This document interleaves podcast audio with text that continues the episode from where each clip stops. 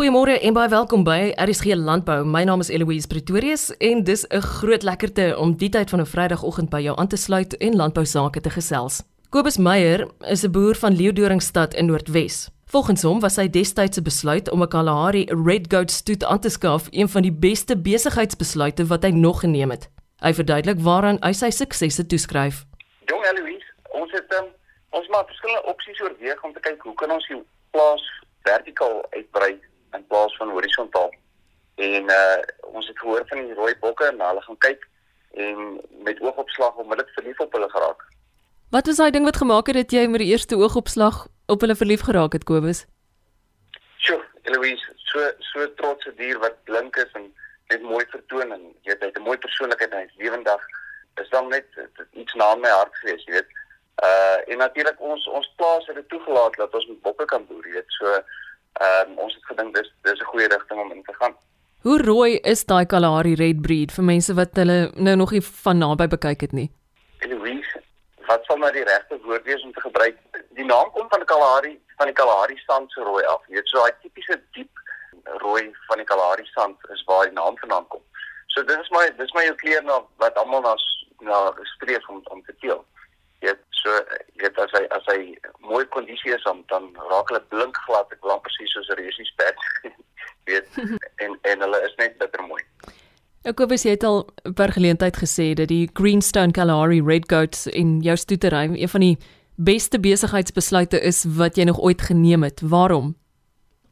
Verseker, Eloise, dit dit groei net na, jaar na jaar. Ons het ons het 10 jaar terug met hulle begin en elke jaar is die navraag meer en elke jaar is die is die beskikbare bokke in die mark net beter. Jy weet so so as as jy vir al die teelers daar buite as ons elke jaar die nasionale veiling kom, sien ons dat die dat die teeling verbeter en die bokke raak net al hoe mooier en beter.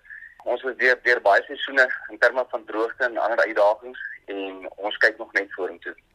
Het jy 'n Afrikaanse woord wat jy graag ook soms gebruik vir vir hierdie vir hierdie bokke of is hy maar jy weet alom bekend as die Kalahari Red Breed? Ja, nee, hy is maar bekend as die Kalahari Red Breed as gevolg van jy weet weer eens as gevolg van die kleur wat wat wat van die Kalahari sand afkom. Kobus sê vir my, jy weet, veronderstel ek is nou 'n boer en ek het pas ingeskakel en ek luister na jou en jy het my geïnspireer om ook te begin boer met hierdie bokke. Wat is 'n goeie vertrekpunt en hoe kan ek so suksesvol soos jy ook word? En wie heel eerste moet mense soveel as moontlik leer van bokke en bokboerdery in terme van bestuur en voeding voordat hulle begin.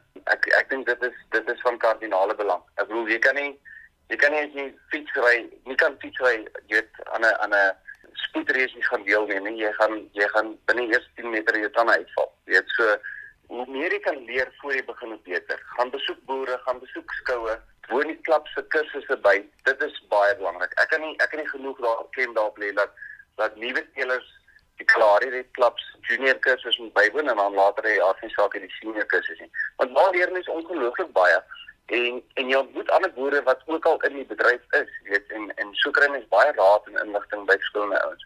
So ek wil sê dit is waar jy begin voor jy bokke gekoop het. En en dan begin klein. Begin klein en en vat dit daarvan af dat mens eers leer wat doen 'n bok by jou op jou plaas? Want plase verskil, weet. So ek wil sê mense moet moet weet net daarna kyk eers voor hulle begin. Ek wonder oor die mark. Wie is die mense wat hierdie bokke aanskaf en dan waarvoor? Jong Louise, bokvleis is jou mees gesogste en mees gesondste rooi vleis wat jy kan eet. Baie mense is onder die indruk dat dit ander vleis is. Beesvleis is baie populêr. In die 70er jare was was volstrysvleis aggressief bemark as die gesondste vleis wat jy kan eet. So wêreldwyd is dit baie gesogte vleis. En daar is letterlik nie genoeg bokke in die land om aan ons aan ons winkelsentrums volhoubaar te voorsien. Daarom kry ons die bokvleis reg op die op die winkelsentrums raak.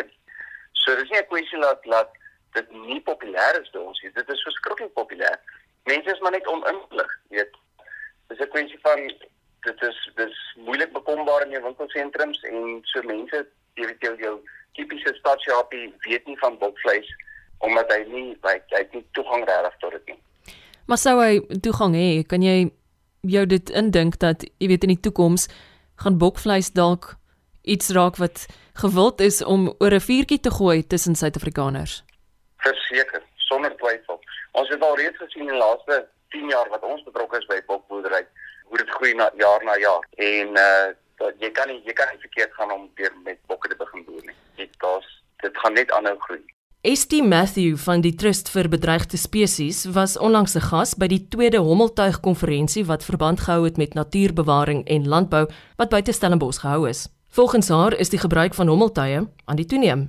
Ek het haar uitgevra oor haar agtergrond in bewaring en haar hoop omtrent moderne tegnologie wat selfs meer ingespan behoort te word in landbou.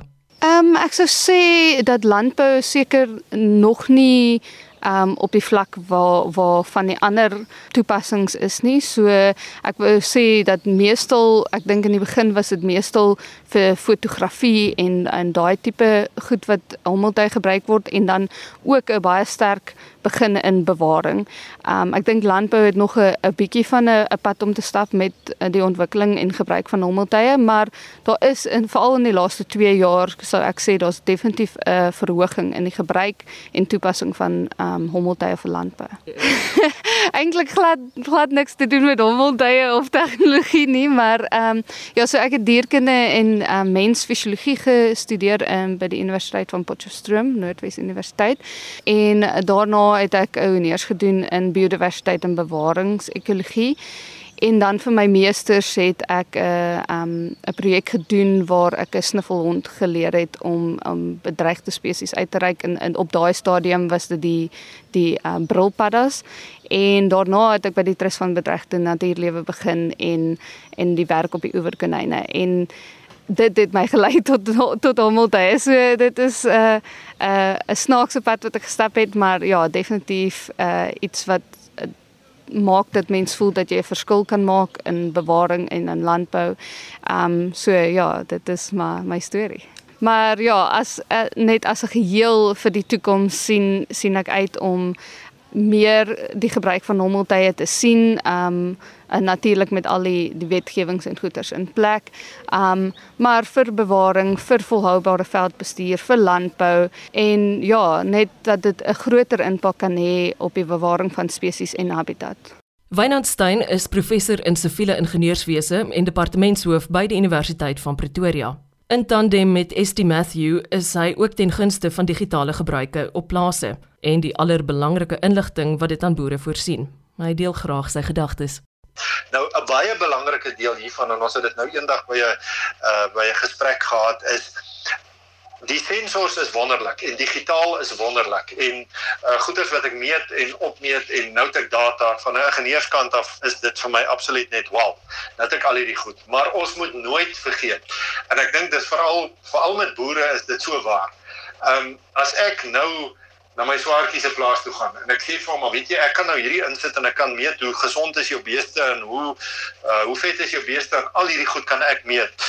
Dan beloof ek jou gaan hy vir my so kyk en hy vir my gaan vir my sê, maar hoekom wil jy dit meet? Ek kon dit vir jou gesê. Ek ken my beeste en ek ken my gewasse. So ek ken hierdie goed, maar ek dink die belangrike is ons wil graag ons boerdery gemeenskap groei en uitbrei. En almal wat gaan boer, het ongelukkig nie 'n pa en 'n oupa en 'n oom en 'n tannie en 'n ouma wat en 'n ma wat sê hoorie maar ek boer nou al soveel jare met hoenders en mielies en beeste en als ek dra hierdie kennis na jou toe oor van die dag dat jy begin hoor. Daar's 'n klomp mense wat ons graag wil hê wat boere moet word en suksesvolle boere wat op 'n manier hierdie kennis moet in die hande kry. En dis wat ek sien waar die digitale twin van 'n plaas in die toekoms geweldig belangrik kan word om te help om daai kennis oor te dra. 'n Ander baie interessante ding wat daarbey saamgaan en dit koppel nou 'n bietjie meer na die voertuigtegnologie en die boerdery tegnologie toe is um, ons het so onlangs in ons gesprekke saam met ons landbou ouens hierso gekyk na na wat is tans beskikbaar en en jy kry byvoorbeeld autonome ehm um, kom ons noem dit nou maar net 'n voertuig van nou, 'n karretjie wat jy in jou lande kan laat op en af ry en hy het 'n kamera op en hy het 'n laser op. En die kamera se brein is geleer hoe lyk onkruid. So soos hy op en af ry in jou land, kyk die kamera en hy sien maar daai dingetjie wat daar begin opkom, dit is 'n kakiebos. En hy sê vir die laser brand hom en die laser brand hom en hy brand hom daar dood en is klaar. En hy sien hoorie maar daar kom nog 'n plantjie op en hy sê maar daai dingetjie wat so groot lyk op hierdie stadium is 'n mielie met hom uitlos. En as jy daarmee begin werk, dis 'n hele digitale boerdery omgewing waar daar verskriklik ontwikkelings internasionaal is. Ek dink in Suid-Afrika is ons nog bietjie stadig met 'n klomp daarvan, maar dit beteken byvoorbeeld jy hoef geen gifstof te spuit op daai land nie want jy jy het 'n uh, 'n uh, 'n uh, stuk apparaat wat onkruid kan identifiseer wat hom kan doodbrand daar waar hy is en hy bly net daar en hy word kompos en jy raak ontslaaf van chemikalieë in jou land. Nou ja, daar is die koste daarin verbonde, maar as ou nou kyk wat kos chemikalieë jou en en wat is die effek daarvan op jou groente en vrugte en gewasse oor die lang termyn? Dis daai tipe tegnologie wat ek dink al hoe belangriker gaan word in die toekoms want ons moet meer en meer kos produseer en ons moet seker maak dat die kos nog steeds van 'n goeie gehalte is en enige tegnologie wat dit vir ons kan makliker en beter en meer koste-effektief maak is in my oë iets wat 'n ou na beslis ernstig moet kyk. Weet jy kom, kom ek sê vir jou so as ek as ek nou my my opvoedkundige rol iets kan sê. Ek dink 'n boodskap wat ons vir vir al die klomp jong mense en kinders en as dit hulle oupas en oumas is wat luister gaan vertel vir hulle die storie asseblief hulle lewe in 'n absolute wonderlike uitdagende tyd. En ek dink dit moet so lekker wees om jonk te wees. Ek is nou nog nie so oud nie, maar om om op skool te wees en te sê maar hoe wil ek 'n verskil maak in die lewe? Of ek 'n boer wil word of 'n ingenieur of 'n dokter en of ek wil goedkoop en verkoop en alles. Die die moontlikhede vir die jong mense om te sê ek kan 'n verskil maak in mense se lewens is so groot en daar is soveel geleenthede vir hulle. En uh dit klink nou regtig soos 'n soos 'n ou oom en 'n ou onderwyser en 'n ou prof wat sê kom net aan die gang en lees en kyk YouTube video's. Um daar's baie goeie goed, daar's ook goed wat jy moet ignoreer, maar kyk, lees, kry die inligting, maak jou hande vuil, vra vra, stel belang en daar is soveel geleenthede vir julle om 'n enorme verskil te maak. Gryp dit aan en moenie net terugsit en net fokus op ja, ek weet nie of dit gaan lekker wees of dat gaan lekker wees nie.